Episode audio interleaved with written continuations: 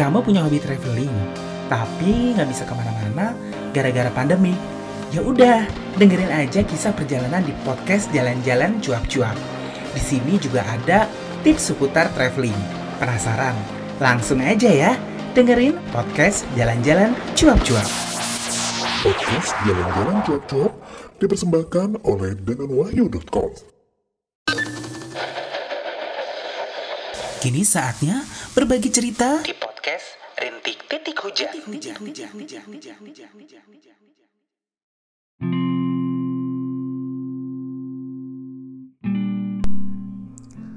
Assalamualaikum warahmatullahi wabarakatuh.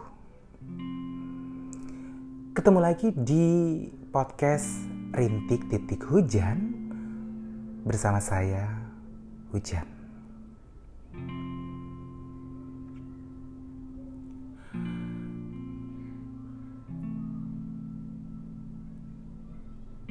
Di malam ini, aku tuh bakal berkisah tentang karma cinta. Dari seseorang yang sudah membagikan kisahnya melalui email di rintik titik hujan at gmail.com tapi yang bersangkutan bilang katanya kak aku nggak mau ya namaku disebut terus kalau bisa kota dari kejadian itu disamarkan. Karena sesungguhnya aku tuh ngerasa bersalah banget dengan kejadian ini. Dan mungkin jika sekarang aku dapat balasannya ini adalah sebuah karma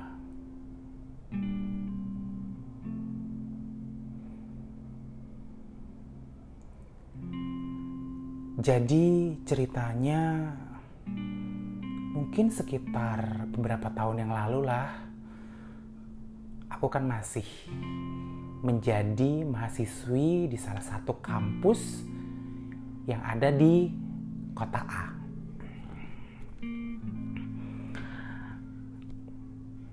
Aku itu termasuk mahasiswi yang lumayan cantik lah gitu. Ya, jadi selama kuliah juga nggak pernah jomblo gitu. Selalu ada, selalu ada cowok-cowok yang deketin aku. Dan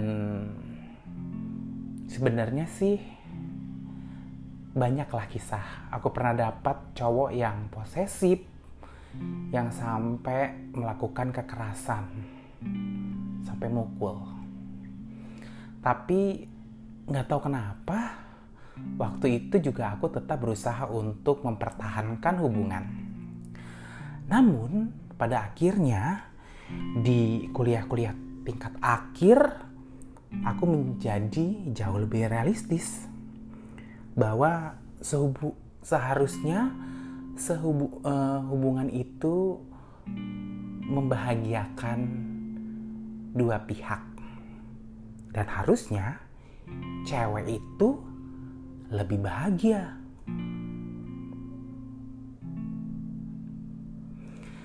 Jadi ceritanya aku bertemu dengan taruh saja namanya Mr. X ya. Mr. X ini memang sudah tidak kuliah. Dia itu termasuk ya bisa dibilang kayak eksekutif muda lah. Hidupnya mapan.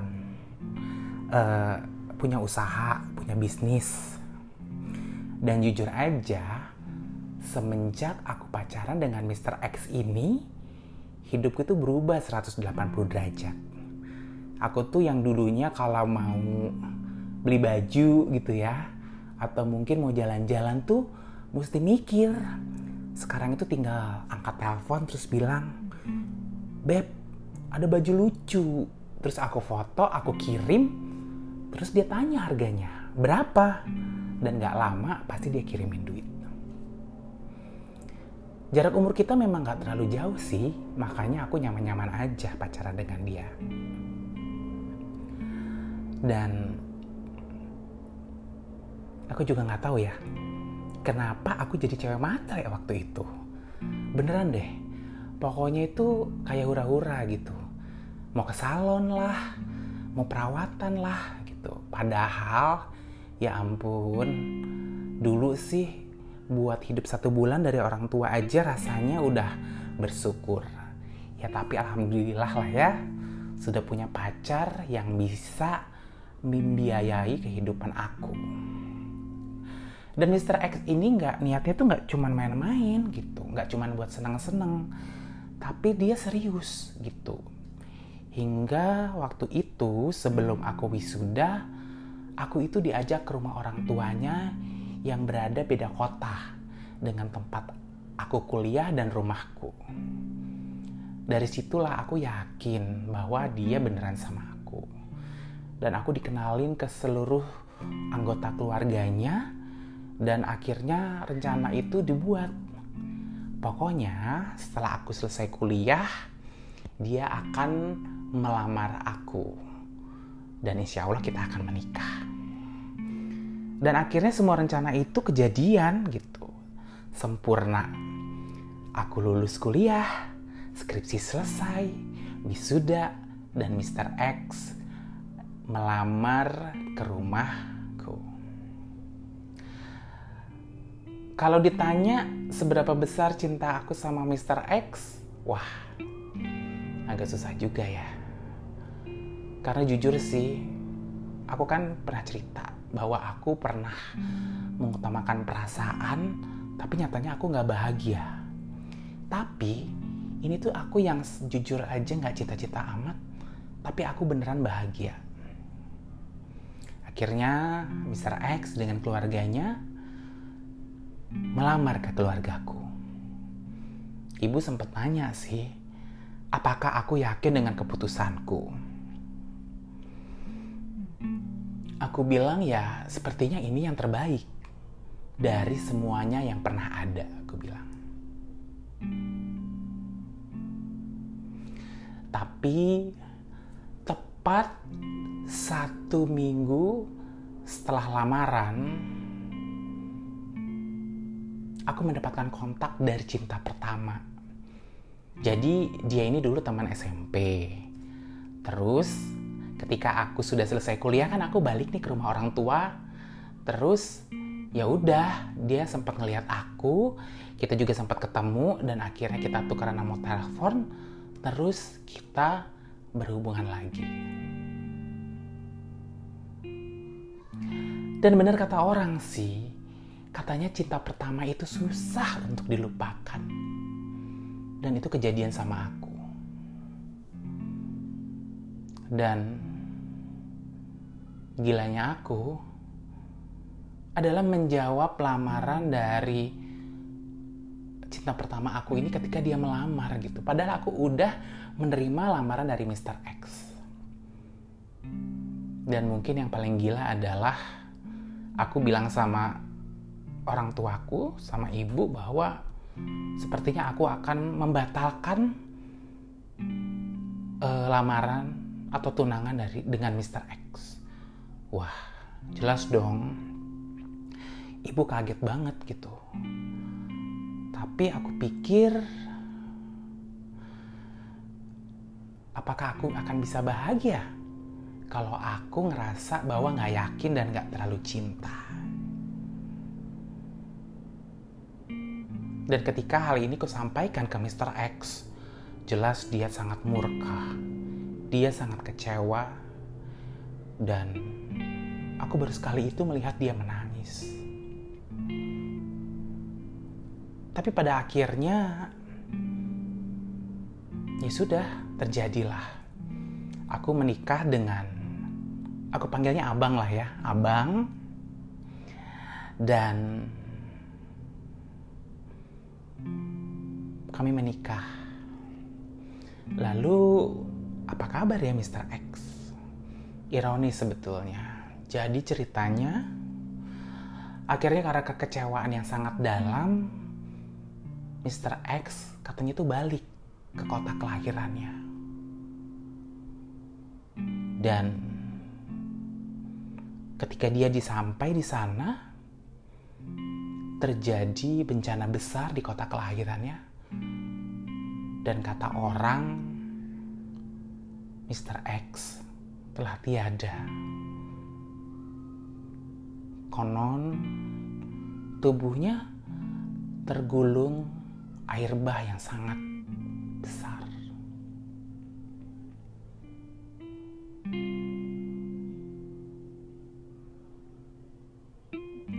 Ada sedikit kesedihan, penyesalan, tapi aku pikir memang mungkin ini sudah takdir Tuhan. Dan kehidupanku dengan abang jelas sangat bahagia. Kami tuh kayak diingatkan apa ya? Memori, kejadian yang indah-indah zaman SMP. Dan gak pernah nyangka kalau ternyata setelah perjalanan cinta yang sangat panjang, semua petualangan-petualangan ini, aku balik ke abang juga. Dan akhirnya kami dikaruniai dua putri yang cantik-cantik.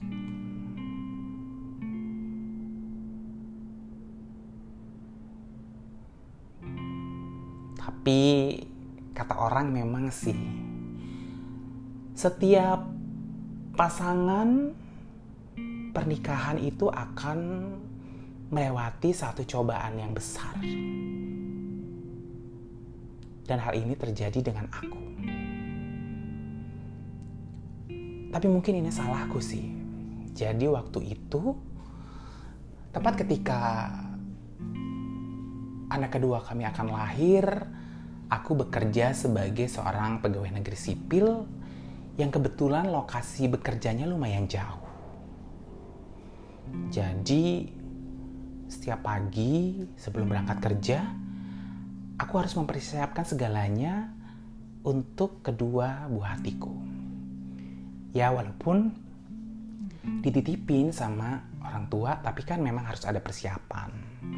Kemudian bekerja, pulang kerja sudah malam, sehingga hubungan kami mungkin tidak seromantis dulu.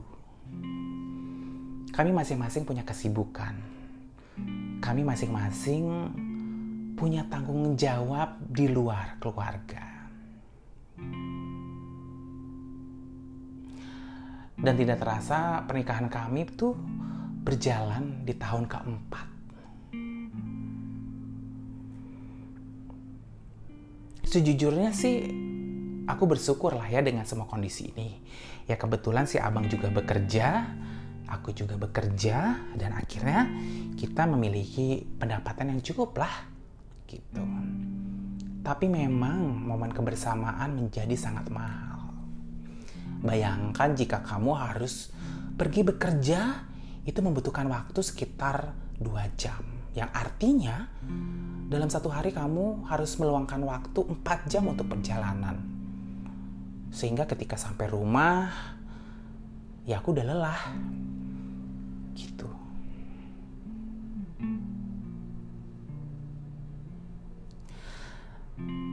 Dan pada akhirnya ada satu kenyataan yang aku tidak bisa terima. Ketika hadir wanita ketiga.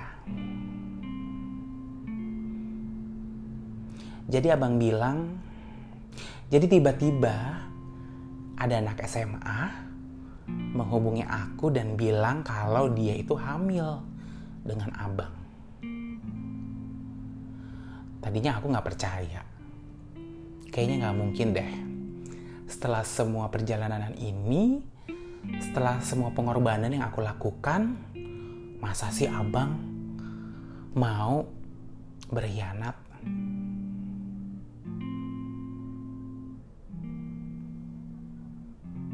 Tapi ternyata ini bukan mimpi, ini kenyataan. Aku menghadapi kenyataan bahwa abang berselingkuh dengan anak di bawah umur hingga anak itu hamil. Ketika kami mencoba untuk untuk berkomunikasi dan menyelesaikan masalah ini, abang bilang katanya aku terlalu sibuk sehingga aku tidak bisa melaksanakan kewajibanku sebagai seorang istri dan perempuan.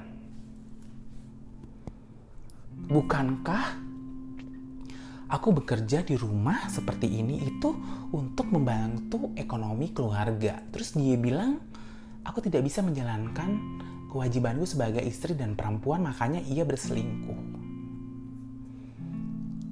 Hal itu jujur membuat aku terluka.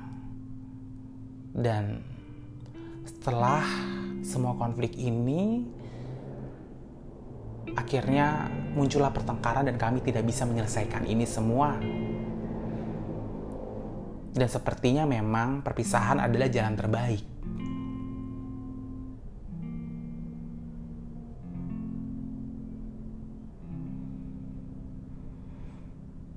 Akhirnya aku mengajukan gugatan cerai kepada si abang.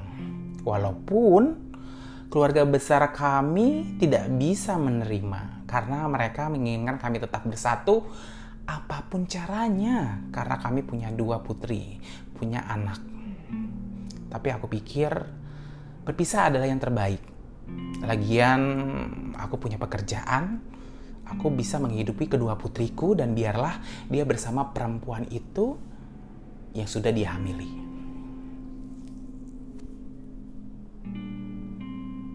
Lelah ya melewati proses persidangan perceraian. Rasanya tuh semua seperti diulur dan tidak ada habisnya. Apalagi ketika aku menerima kenyataan bahwa aku sedang hamil dan wanita hamil tidak bisa dicerai.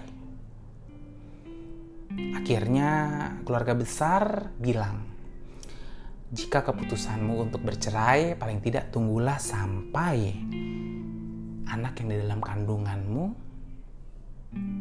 lahir.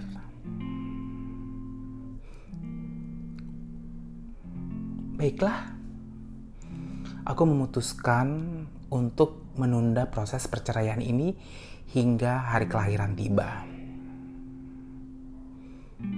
Dan memutuskan untuk tidak serumah lagi dengan abang. Aku pikir biarlah dia menyelesaikan masalahnya sendiri dan aku pun akan mengakhiri masalah ini sendiri. Tapi nyatanya tidak serumit, tidak semudah itu.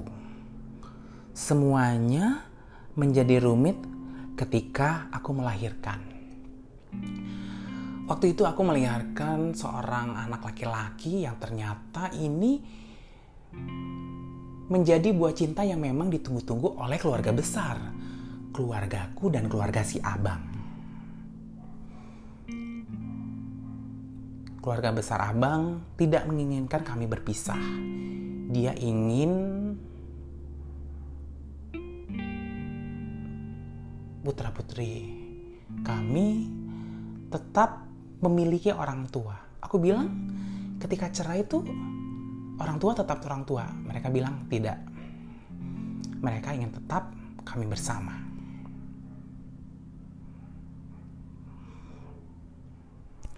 Berat ya rasanya menerima kenyataan bahwa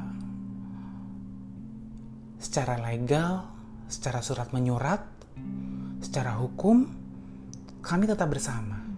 Tapi secara hati dan secara komitmen kami tidak pernah bersama. Ini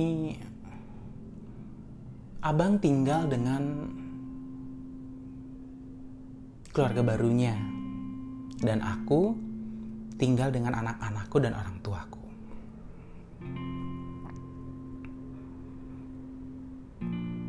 Jika melihat ke belakang, aku berpikir Apakah ini sebuah karma? Sebuah karma, sebuah dosa, atau semua dosa yang pernah aku lakukan. Aku jadi teringat Mr. X. Apa yang ada di pikiran dan di benak dia ketika harus menghadapi kenyataan bahwa dirinya dihianati. Dan sekarang aku merasakan karmanya. Karmanya yang jauh kali berlipat lebih pedih. Ketika kamu disakiti, ketika kamu dihianati, tapi kamu tidak bisa melepaskannya.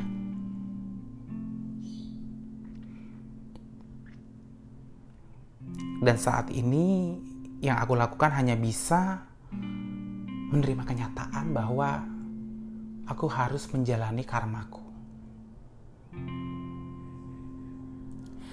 Sebuah kisah menarik ya, bahwa dalam ada beberapa agama di dunia ini yang percaya akan karma. Karma itu seperti sebuah hukum fisika. Ada aksi dan reaksi. Ketika kamu memberikan aksi negatif, maka dia akan bereaksi secara negatif juga. Begitu juga dengan apa yang kita lakukan kepada orang lain.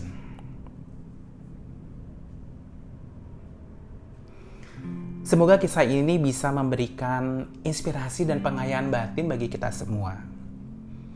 Jika kamu ingin dibacakan kisah cerita hidup kamu atau berbagi cerita, kamu bisa mengirimkan curhatan ke rintik titik hujan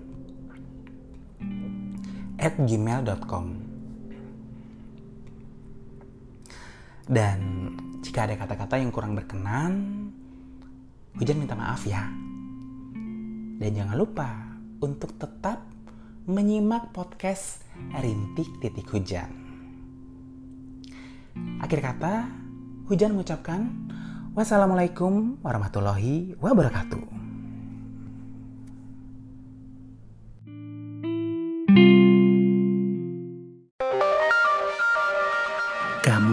Masalah, tapi tidak tahu ingin bercerita kepada siapa.